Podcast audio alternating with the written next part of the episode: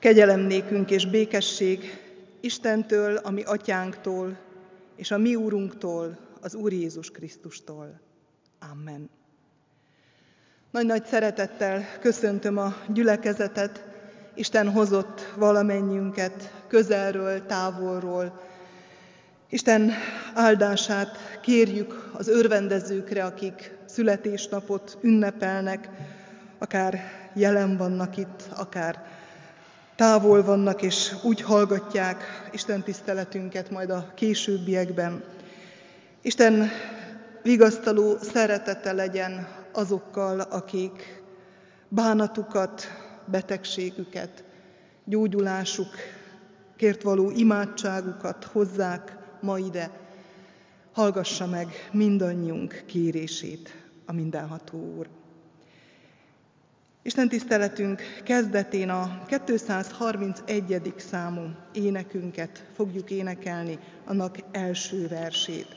231-es számú éneket énekeljük.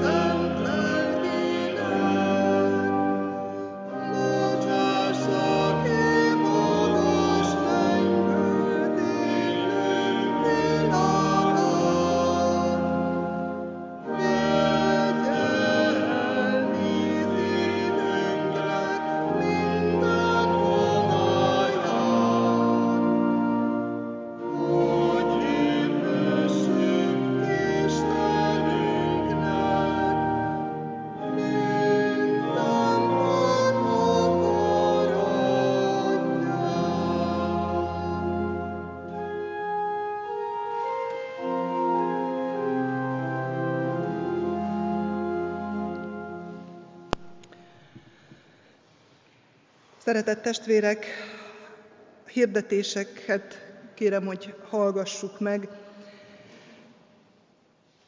Mindenek előtt szeretném hirdetni, hogy folynak a munkálatok a templom, a temető környékén. A temetőre nyert támogatás egy része a egy vízvezetéknek a, a kiépítése, hogy itt a, a főbejáratnál is legyen majd egy kút. Ez elkészült, akik a temetőben járnak, talán látják is ennek a nyomait. Még szeretnénk befejezni a kerítést, illetve hát most már teljesen körbe keríteni a temetőt, és akkor már valóban érdemes lesz zárni is a kaput, vagy legalábbis becsukni, mert azért terveztük, hogy az állatok ne nagyon tudjanak bemenni. És hát gépeket vásároltunk, vagy vásárolnánk, nyertünk is rá támogatást, de a hiány miatt, ami ezen a területen mutatkozik, elég nehezen fognak ezek a gépek megérkezni. Bízunk benne, hogy azért majd fogjuk tudni őket használni. Ez a temetővel kapcsolatos hír, a templomnál látható, hogy elkezdték fölépíteni az állványzatot. Sajnos a toronynál valami probléma van a vízelvezetéssel, az új torony kialakításnál, illetve hát a munkálatok nem úgy sikerültek, ahogyan kellett volna, ezért visszahívtuk a kivitelezőt, és garanciába fogják elvégezni ezeket a munkálatokat. Most már úgy néz ki, hogy azért ennek is neki indultak. A gyülekezeti háznál is munkálatok lesznek, reménység szerint augusztusban kezdődnek el, a tető tetőt fogjuk javítani elsősorban, illetve szigetelni fogjuk a, a gyülekezeti ház homlokzatát. Erre is megvan a támogatásunk, bízunk benne, hogy a pénzünk pedig elég lesz rá, hogy befejezzük ezeket a munkálatokat. Úgyhogy kérem a testvéreket, hogy ezeket hordozzák imádságukban. Szeretnék hirdetni még egy képzést. A Sárospataki Református Teológiai Akadémia egy népfőiskolai képzést indít presbitereknek és gyülekezeti tagoknak. Ez egy tíz hónapos képzés, amely havonta egy hétvégét foglal le, illetve hát péntek délután 5 órától szombat 14 óráig, tehát 2 óráig tart Sárospatakon. A képzés az ingyenes, a szállást úgy írták, hogy kedvezményesen tudják biztosítani. Mindazok, akik szeretnének még jobban elmélyülni ismeretben, hitben, és szeretnének szolgálni a gyülekezetben ezekkel az ismeretekkel, azok számára nyújt lehetőséget ez a képzés. Én buzdítom a testvéreket, hogy akiknek az idejébe ez belefér, próbálják meg, akár lehet többen összeállni és együtt menni. Augusztus 26-áig kell jelentkezni erre a képzésre, ha valaki erről többet szeretne tudni, akkor nagyon szívesen adok tájékoztatást, lelkészi ajánlást kérnek ehhez a képzéshez. Evangelizációra hívom a testvéreket augusztus 7-én 16 órától Szilvásváradon szabadtéri evangelizáció lesz, ahol Vég Tamás lelkipásztor fog igét hirdetni. Úgy tervezzük, hogy a kisbusszal 14 óra 30 perckor indulnánk. Szeretném, hogyha azok, akiket érdekel, csütörtökig jeleznék és jelentkeznének, hogy jönnének velünk. Az adományokat szeretném megköszönni. Kovács Lászlón és Arkadi Gyöngyi 20 ezer forintos adományát, melyet hálaadásból ajánlott fel Isten dicsőségére az interneten elérhető ige hirdetésekért. Isten áldja meg az adományát. A perselyes adomány pedig az elmúlt héten 12.635 forint volt. Szeretném még hirdetni gyülekezeti kirándulásunkat, október 7-e és 9-e között jelentkezni augusztus 28-áig lehet, 35-en vagyunk már, akiket érdekel a kirándulás. Nagyvárad, Siter, Nagyszalonta, Fekete-túi vásár. Nagyon sok a bizonytalanság körülöttünk, pont az anyagiak azok, amikben a legnagyobb a bizonytalanság, azért próbálunk valahogy méregetni és mérlegelni. Szeretnénk egy részét pályázatból finanszírozni, nyertünk erre támogatást, és egy másik része pedig hát önköltséges lesz, úgy 50-50 százalékban gondolnánk ezt beosztani. Úgy látszik most, hogy a, ez a hétvége, tehát két éjszaka, három nap, 20-25 ezer forint terhet róna azokra, akik eljönnének, a többit pedig megpróbáljuk pályázatból finanszírozni. Tehát így lehet gondolkodni a kiránduláson való részvételen. Én hívogatom a testvéreket, hiszen ez a közösség építésének és épülésének is egy áldott alkalma. Nem csak arról van szó, hogy elmegyünk, megnézünk valamit, bár erről is, de arról, hogy együtt vagyunk, hogy egyre jobban megismerjük egymást, és egyre inkább közösen tudunk hálát adni azokért az élményekért, amelyek értek minket. Több hirdetni valóm nincs, Isten legyen gyülekezetünk őriző pásztora. A 225. számú énekünkkel folytassuk Isten tiszteletünket. Az első három versét fogjuk énekelni.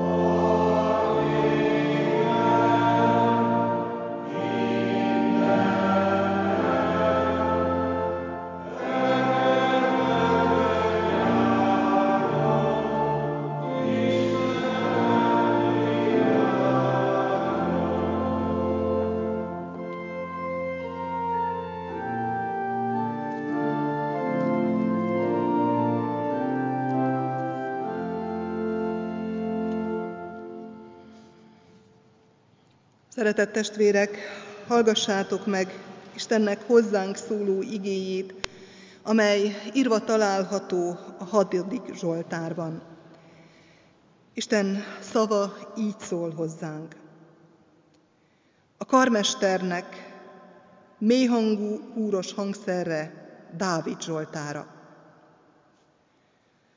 Uram, ne fedj meg haragodban, ne ostoroz indulatodban.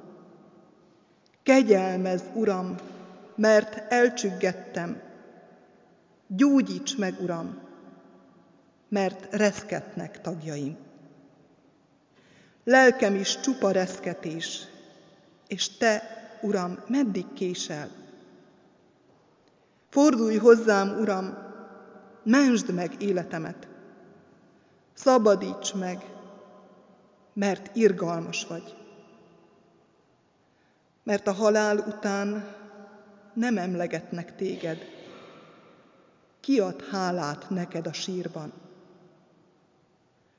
Belefáradtam a sóhajtozásba. Egész éjjel könnyekkel áztatom ágyamat. Könnyeimmel öntözöm fekvőhelyemet. Szemem elhomályosodott a bánattól, fénye megtört sok ellenségem miatt. Távozzatok tőlem mind, ti gonosztevők, mert meghallgatta az Úr hangos sírásomat. Meghallgatta könyörgésemet az Úr, imádságomat elfogadta az Úr. Megszégyenül és reszketni fog nagyon minden ellenségem. Meghátrál, és megszégyenül egy pillanat alatt. Istennek beszéde lakozzék közöttünk gazdagon, hogy mi sok és kedves gyümölcsöt teremjünk az ő dicsőségére. Értek ezért, testvéreim, imádkozzunk. Szikszai György, keresztjéni tanítások és imádságok. A keresztjén embernek imádkozni kell, mikor szárasság van. Mindenható felséges Úr, akinek hatalmában van az idő, és úgy rendeled annak változásait, amint akarod mikor a te nagy jó voltodat akarod mutogatni, esőt adsz mind az igazaknak, mind a hamisaknak. Nem hagyod te magadat tanúbizonyság nélkül, adván mennyből esőt és termékeny időket. Mikor pedig hatalmasságodat és a háládatlan emberek ellen való nem tetszésedet akarod láttatni és tapasztaltatni, bezárod az eget, és senki meg nem nyithatja. Megszárasztod a földet, és senki meg nem áztathatja. Aszályt küldesz az eső helyében, port és hamvat a kövérség helyében, hogy a föld ne teremje meg az ő gyümölcsét. Mi is érezzük most, ó Isten, ezt a te szomorú ítéletedet, mert földünknek nedvessége kiszáradott, gyümölcsöző ereje megfogyatkozott, szép termései sinylenek és romlanak, mivel hogy szüntelen a száraz melegség emészti azokat. És kívánatos esőzések által nem újítatnak. Nem véletlenül van ez, ó Uram, hanem a Te látogató kezed, ez a mi sok bűneinkért, a te haragodat teszed, ezáltal nyilvánvalóvá mennyből, ami sok gonoszságunk ellen. Mert háládatlanok voltunk te hozzád, sok jó téteményeidért. Sokképpen gonoszul visszaéltünk a te áldásaiddal, midőn azokkal gazdagon meglátogattál. Ó, mi számlálhatatlan, sok és nagy vétek uralkodik mi közöttünk. Mi nagyok nagyon elhatalmasodott a romlottság mindenfele. Méltán cselekszed azért, ó igaz ítéletű Isten, hogy elvonod mi tőlünk az áldást, amelyért téged illendőképpen nem dicsőítettünk. hogy bezárod a te jó kincsedet, az eget, hogy esőt ne adjon a mi földünkre, amelyről a mi gonoszságainknak kiáltása felhatott te elődbe. És hogy szárasságot hívtál a gabonára és borra, amelyekből sokszor alkalmat vettünk a te megbántásodra. Sőt, méltán cselekszed, hogy minket oly szükségre és éjségre juttatsz, amelyben ugyan valójában megérezzük, hogy te tőled eltávozni, és a te bosszúságodra járni, nagy boldogtalanság és veszedelem. De ó könyörülő és véghetetlen irgalmasságú Isten, aki azzal is megszoktad dicsőíteni te magadat, hogy a méltatlanokkal jól teszel, és azzal is megszoktad mutatni, hogy te Isten vagy és nem ember, hogy áldásodat hagyod magad után azokon is, akik átkot és büntetést érdemelnének. Ne tekintsd a mi bűneinket, ne bánj mi velünk az eláradott gonoszságnak érdeme szerint, hanem a te elfogyhatatlan jó voltod szerint könyörülj mi rajtunk, midőn büntetést érdemlünk, tégy jól mi velünk, midőn arra méltatlanok vagyunk, vedd el rólunk méltó haragodat, szakaszt félbe büntető ostorodat, fordítsad hozzánk jó akaratodat, esőt küldvén a mi földünkre, és megadván annak gyümölcsöztető erejét. Hadd teremjen eleget a mi táplálásunkra. Te vagy, ó Uram, az esőnek atya. Te szülöd a harmatnak cseppjeit. A pogányok istenei esőt nem adhatnak az égből, nem adhatnak áldást és termékenységet a földre. De a te parancsolatodra leszáll eső, és megnedvesíti a földet. Áldás jő alá mennyből, és meggazdagítja az embereket. Parancsolj azért, mindenható és irgalmas Isten, hadd jöjjön segedelem, vigasztalás és áldás mi nekünk is. Emellett pedig a mi lelkünkre is szállítsd le a te kegyelmednek drága esőjét, hogy ne legyünk hasonlatosak a száraz földhöz, amely gyümölcsöt nem teremhet, hanem mint a kövér nedves föld, gyümölcsözhessünk mindenféle jó cselekedettel, amelyek legyenek a te lelkednek gyönyörködtetésére, és a te szent nevednek dicsőségére. És végre juttass el minket arra a boldog és kívánatos állapotra is, amelyben tökéletes virágzásunk és gyümölcsözésünk lehessen a te szent országodban, a te véghetetlen irgalmasságodból a Jézus Krisztus által. Amen. Készüljünk az ige hallgatására, az előbb énekelt ének negyedik versét énekelve.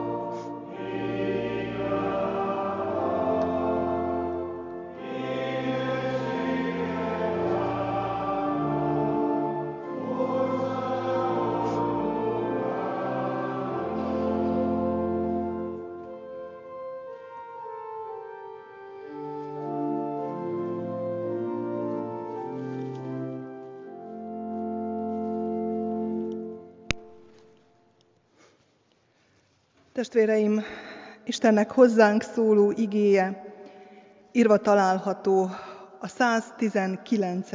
Zsoltár 105. versében a következőképpen. Lábam előtt mécses a te igéd, ösvényem világossága. Lábam előtt mécses a te igéd, ösvényem világossága. Amen.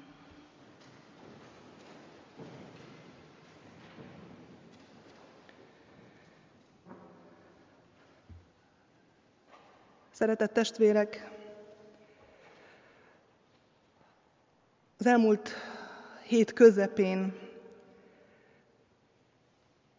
találtam rá Szikszai György imádságára, amely a 18. század végén született. Mások is rátaláltak, úgy találtam rá én is. És azóta forgatom a lelkemben ezt az imádságot, mint kérést, mert hiszen érezzük a bőrünkön, hogy mekkora nyomorúság van körülöttünk. De nem csak úgy forgatom a lelkemben, mint egy kérést, hanem mint egy tükröt is. Mert ez az imádság tükröt tart azok elé, akik elkezdik imádkozni. Méghozzá tükröt, amelyben az ember meg kell lássa, hogy éppen hol tart az életében, hogy éppen miben jár. Hol tartunk, mint emberiség? Látjuk, ha egy pillanatra megállunk. Ott tartunk, hogy háborúk vannak, ott tartunk, hogy éjség van, vagy lesz. Ott tartunk, hogy földrengések vannak. A múlt héten érezhettük is. Egészen közel volt.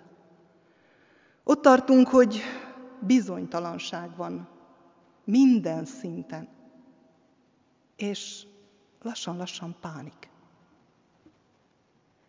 De ha a magunk személyes életére nézünk, ott is hasonló dolgokkal találkozunk. Csüggedünk, kapkodunk, bizonytalanok vagyunk, és ebben a csüggedésben, kapkodásban keresetlenül bántjuk egymást. Úgy is, és olyanok is, akik korábban nem tettek volna ilyet.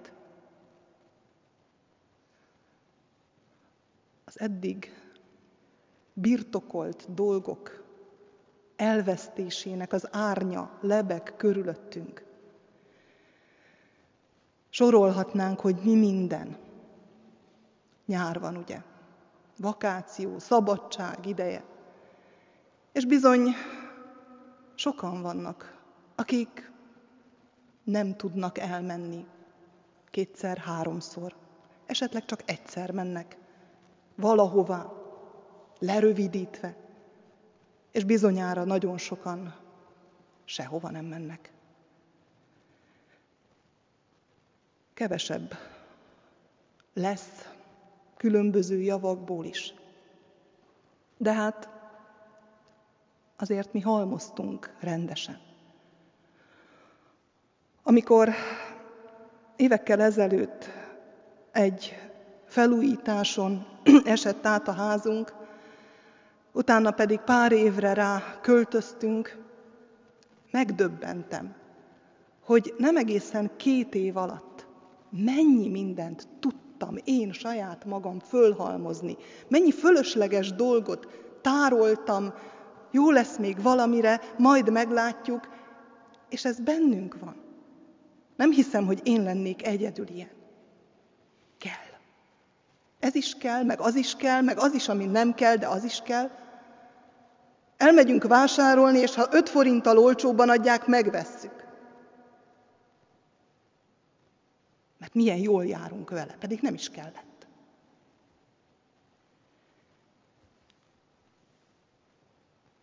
Vajon Biztosak lehetünk abban, hogy azt veszítjük el, ami a legfontosabb volt? Abból lesz kevesebb, amire annyira nagyon szükségünk volt? Vagy azért még mindig adatik? Napról napra, de megtartatunk. Mert ezek a dolgok, amelyek nagyon sokszor a fölött adattak, ezek csak gátját képezték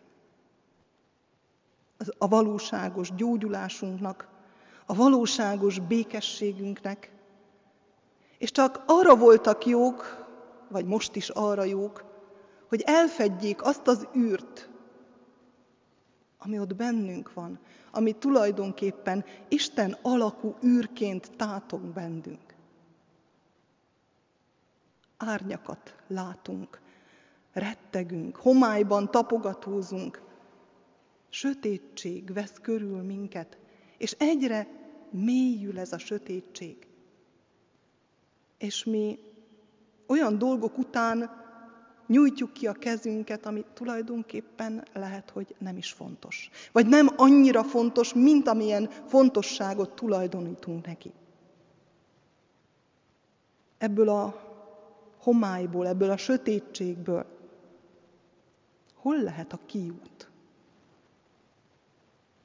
És itt jön be Szikszai György imádsága, de itt kapcsolódik a hatodik Zsoltár is hozzánk. Mert úgy hiszem, a kiút első állomása az, hogy vessünk számot. Hogy bánjuk meg azt, amit meg kell bánnunk. A hatodik Zsoltár bűnbánati Zsoltár. Hét ilyen bűnbánati Zsoltár van a Zsoltárok között, és már a hatodik században mint bűnbánatra vezérlő mesterként tartják számon ezeket a zsoltárokat. És a 12. századtól a liturgia része, a bűnbánati liturgia része volt.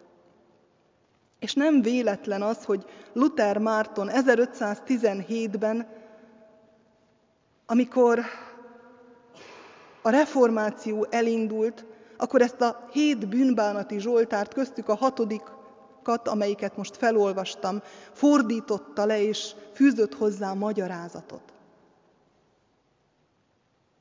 Mert a megújulás, az új látásmód első lépése az, hogy számot vetek, hogy megbánom a bűneimet. Keresztény embernek imádkozni kell, mikor szárasság van olvastam a bevezetőjében. Igen, kell. Kell, mert ezzel tükörbe áll. És ebben a tükörben megláthatja a maga arcát. Nem csak azért kell imádkozni, Isten esőt csináljon, csúnya szóval élve. Azért is mert az ő hatalmában van valóban. De azért is imádkozni kell, hogy Isten teret nyerjen az életemben, a látásomban, és így formálja az én világomat, hogy megláttasson velem dolgokat. Mert ha nem állok meg, ha nem kulcsolom össze a kezem, ha nem csendesedem el előtte, akkor folyamatosan az én gondolataim zakatolnak, az én bölcsességem szerint mérem a dolgokat, ugyanúgy, mint ahogyan a másik is.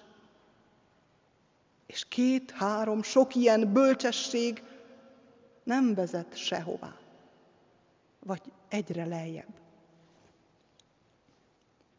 Amikor bűnbánatot tartok, amikor megállok Isten előtt, akkor ő megláttathatja velem a különbséget, a között, ami vagyok, és a között, amivé ő tenni szeretne. amivé ő álmodott, hogy ne átokká legyek, hanem áldássá, magam és a környezetem számára. Istent látni, amennyire egy láthatatlan Istent lehet látni. Isten által látni. Ez az elsődleges feladatunk. És hiszem, hogy ennek a mai modern embernek sincs más feladata ebben a világban. A 119. Zsoltár, a leghosszabb Zsoltár, a Zsoltárok könyvében a törvény magasztalásáról szól. És ebben a 105. vers, amit felolvastam, lábam előtt mécses a te igéd, ösvényem, világossága, tulajdonképpen egy vallomás, egy hitvallás. A sötétben, a homályban, a rémisztő árnyak között csak a fény tudja eloszlatni a félelmeket. Fényre van szükségünk. A mi árnyainkat, a mi rémképeinket, a mi rettegésünket és szorongásunkat, amelynek alapja van ugyan. Csak a fény tudja, az Isten fényessége tudja eloszlatni. Emlékszem, gyerekkoromban nagyon sok áramszünet volt arra mi felénk.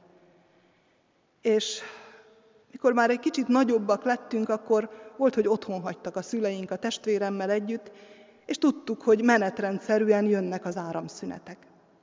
Meg volt a helye a gyertyának, a gyufának, de amikor lekapcsolták az áramot, akkor azért ott volt a szorongás, ott volt a félelem.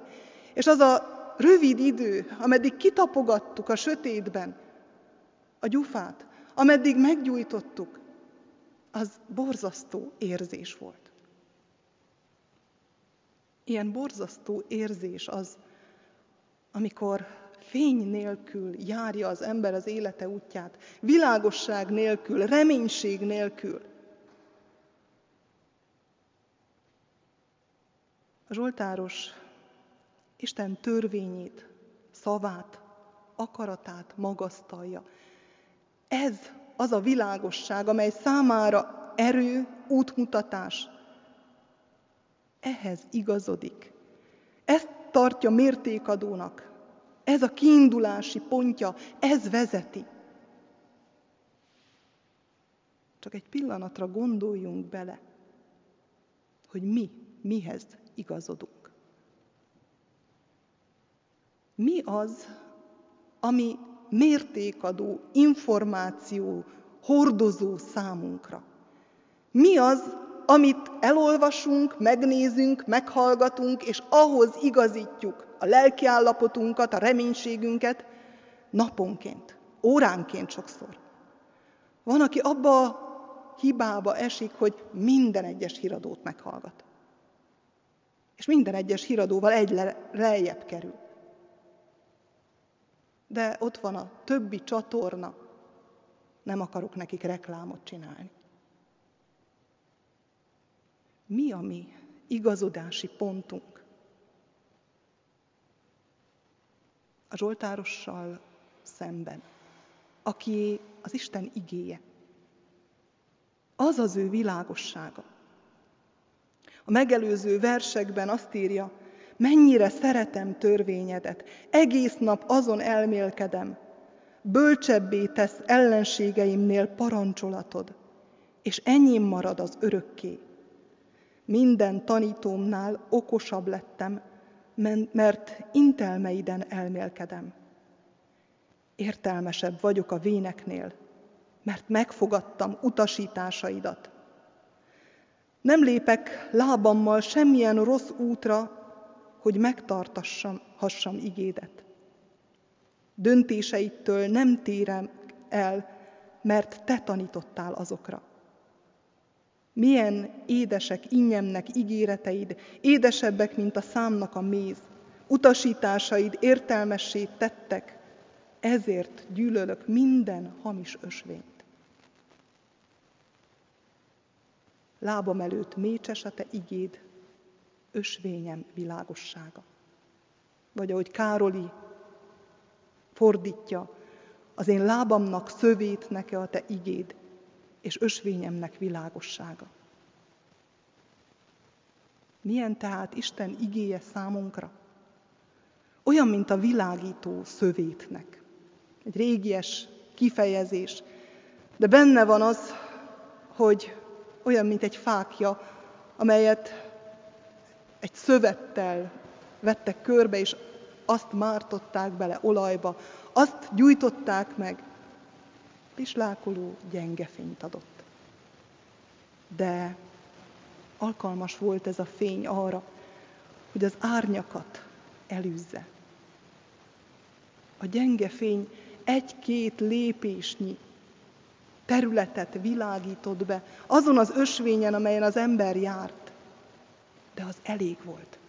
Elég volt arra, hogy elűzze a félelmet. Isten igéjén keresztül Isten lesz jelen valóvá, Isten nyilvánul meg. A kezünk ügyében a bennünk lévő ige olyan, mint egy szövétnek, egy mécses, egy gyertya. Világít. És elűzi a félelmet. Olyan fontos magunk elé idéznünk ezt a képet. Mert azt mondja nekünk, hogy a mában, a mostban világító mécses, a most hallott ige, az Isten, akivel most, ebben a pillanatban találkozom, az azt várja tőlem, hogy én reagáljak rá. Hogy ne menjek el mellette, úgy, mintha mi sem történt volna.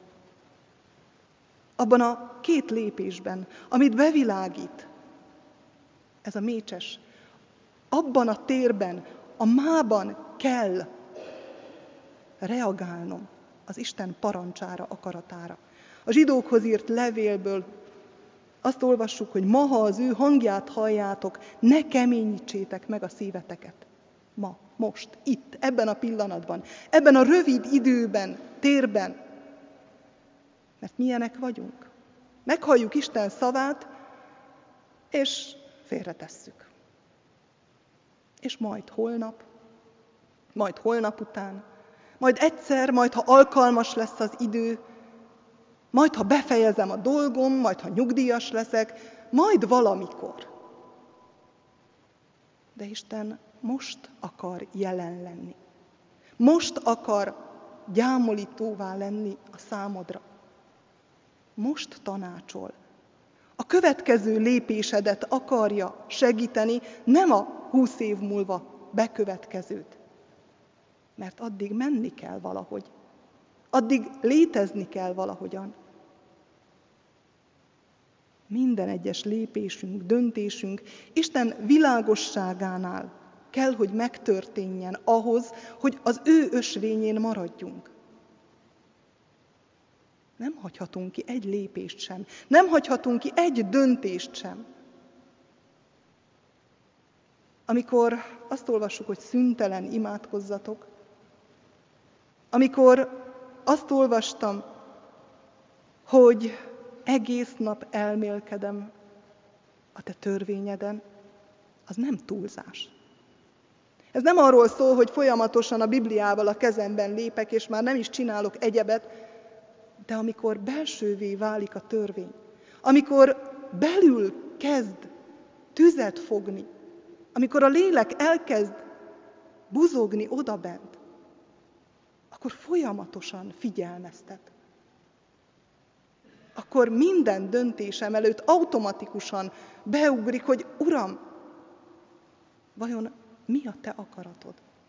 Akkor elkezdem mérni a zsinór mértékhez. Kezdem magam igazítani. És hiszem, hogy az Isten nem fordít hátat annak, aki így keresi, aki így ragaszkodik hozzá. Van körülöttünk nyomorúság. Lesz is. Nem fog minket mentesíteni, de az, hogy mit látok meg belőle, hogy hogyan hordozom el, hogy hogyan állít mellém egy testvért, egy barátot, aki hasonlóképpen gondolkodik, azt nyugodtan bízhatom rá. A hamis ösvényt, a zsákutcát sokszor föl lehet ismerni már az első lépésnél, az első döntésnél. Csak rendszerint nem foglalkozunk. A kiáltó, a figyelmeztető jelekkel, és feszegetjük a határainkat. Mert úgy gondoljuk, hogy mi ennyire felszabadultunk. Aztán pedig bánkódunk a kudarcok, a veszteségek miatt, és Istent vádoljuk. Miért engedted? Pedig ő figyelmeztetett az ő világossága által. Isten igényének világosságánál járni azt is jelenti, hogy bizalmam van Isten iránt. Akkor, amikor nem látom az egész utat, esetleg csak nagyon parányi részét, a mát tulajdonképpen, akkor is ismerem az út urát. Azt az urat, aki velem van, aki szeret engem, és aki irányítja a lépteimet. És ismerem az utam célját is. Jézus mondja magáról, hogy én vagyok a világ világossága. Isten őt küldte, hogy valóságának képmása, hogy dicsőségének tükrözője legyen. Azért jött, hogy aki őt látja, aki vele találkozik, az, az atyával találkozzon. Isten igéjét, valóságát a proféták után Jézus nem csak elmondta, hanem be is mutatta. Akkor, amikor a kereszten olyan nagy szeretetről tett tanúbizonyságot, hogy életét adta a mi üdvösségünkért. Krisztus világossága, Isten mindent elsöprő szeretetére világít rá. Ezt egy keresztjén ember többnyire tudja. Mégis sokszor élünk és viselkedünk úgy, mint akiknek nincs reménységük. Mert ismerjük a mondást, gyakorlás a tudás anyja. És gyakorolni kell az Istenbe vetett bizalmat. Edződni kell a bizalomban. Úgy, hogy egyre többet tudok meg a világosság uráról hogy nem hagyom, hogy bármi is kiszorítsa az életemből a vele való találkozást, az időmből. Úgy, ahogy Mária és Márta történeténél. Mária nem hagyta, hogy Márta távol tartsa attól, ami fontosabb mindennél. Akkor sem ha ez áldozattal járt. Akkor sem, hogyha ez összetűzéshez vezethetett akár. Járni az Isten útján, és valóban azon, nem megfenekleni, megtorpanni. Ez hatalmas feladat valamennyiünk számára. És alkalmazni ezt a bizalmat, amelyre eljutunk, amelyben mélyülünk naponként. Merni alkalmazni, merni hinni, merni odabízni magunkat. Döntéseket hozni az ő világosságában, a tőle nyert reménység által.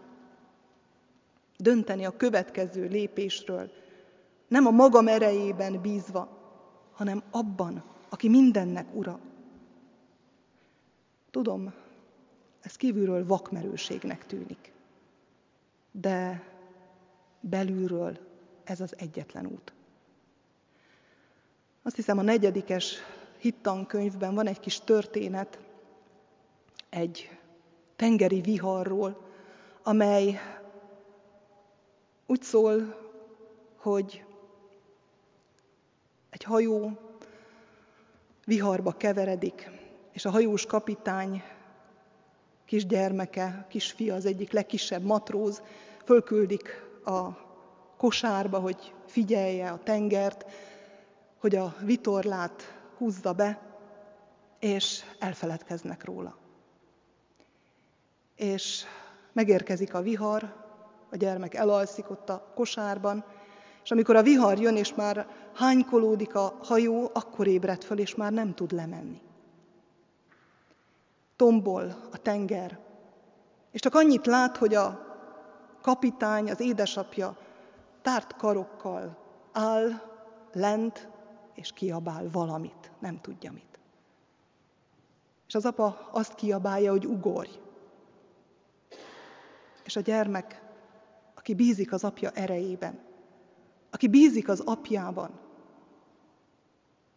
mindent félretesz, a magasságtól való félelmet, a bizonytalanságot, és ugrik.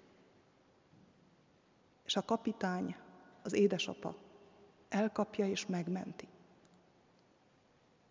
Gyakorolni a bizalmat, elugrani, merni. Emlékszem, mikor IKE ifi vezető képzőkre jártam, volt egy lelkipásztor, aki előadásokat tartott, és azt mesélte, hogy őt az édesapja úgy tanította a bizalomra, hogy amikor lent volt a pincében, ő pedig fönt, akkor mondta neki, hogy ugorj be. Nem látott semmit. Kint világos, bent sötét. Az apa látta őt, látta kontúrokat, és gyakoroltatta vele a bizalmat. És a gyermek ugrott és egyre inkább megtapasztalta, hogy van, aki hatalmasabb nálam. És amikor fölnövünk, amikor már hiába ugranánk az apánk, az anyánk karjaiba, vagy talán soha nem ugorhattunk volna, akkor milyen jó tudni azt, hogy van valaki, aki hatalmasabb nálunk.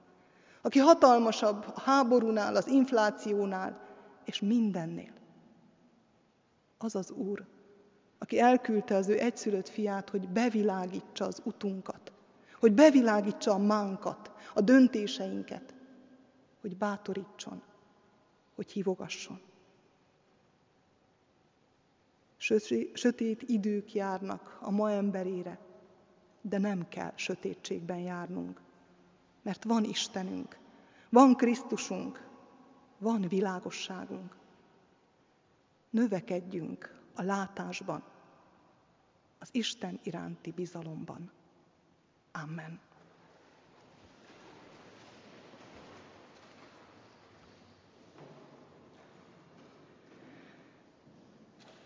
Mindenható, kegyelmes Úr, világosságnak Istene. Köszönjük, hogy nem hagysz minket a sötétségben. Lehet, hogy mi csukott szemmel járunk, vagy jártunk sokáig. Lehet, hogy tapogatóztunk, lehet, hogy árnyak rémisztettek, de köszönjük, hogy nyitogatod a szemünk. Köszönjük, hogy elküldted a te fiadat, hogy általa megismerhessük a te mérhetetlen szeretetedet és törődésedet. Bocsáss meg nekünk, ha oly sokszor méltán haragudhatsz ránk. Bocsáss meg, ha naponként védkezünk, és csak növelni tudjuk tartozásunkat. Látjuk a mi bűneinket. Látjuk, hogy milyen rossz nélküled járni az úton. És kérünk, Jöjj és látogass meg minket újra és újra. Ne engedd, hogy elengedjük a kezedet. Ne engedd, hogy nélküled akarjuk járni az utunkat.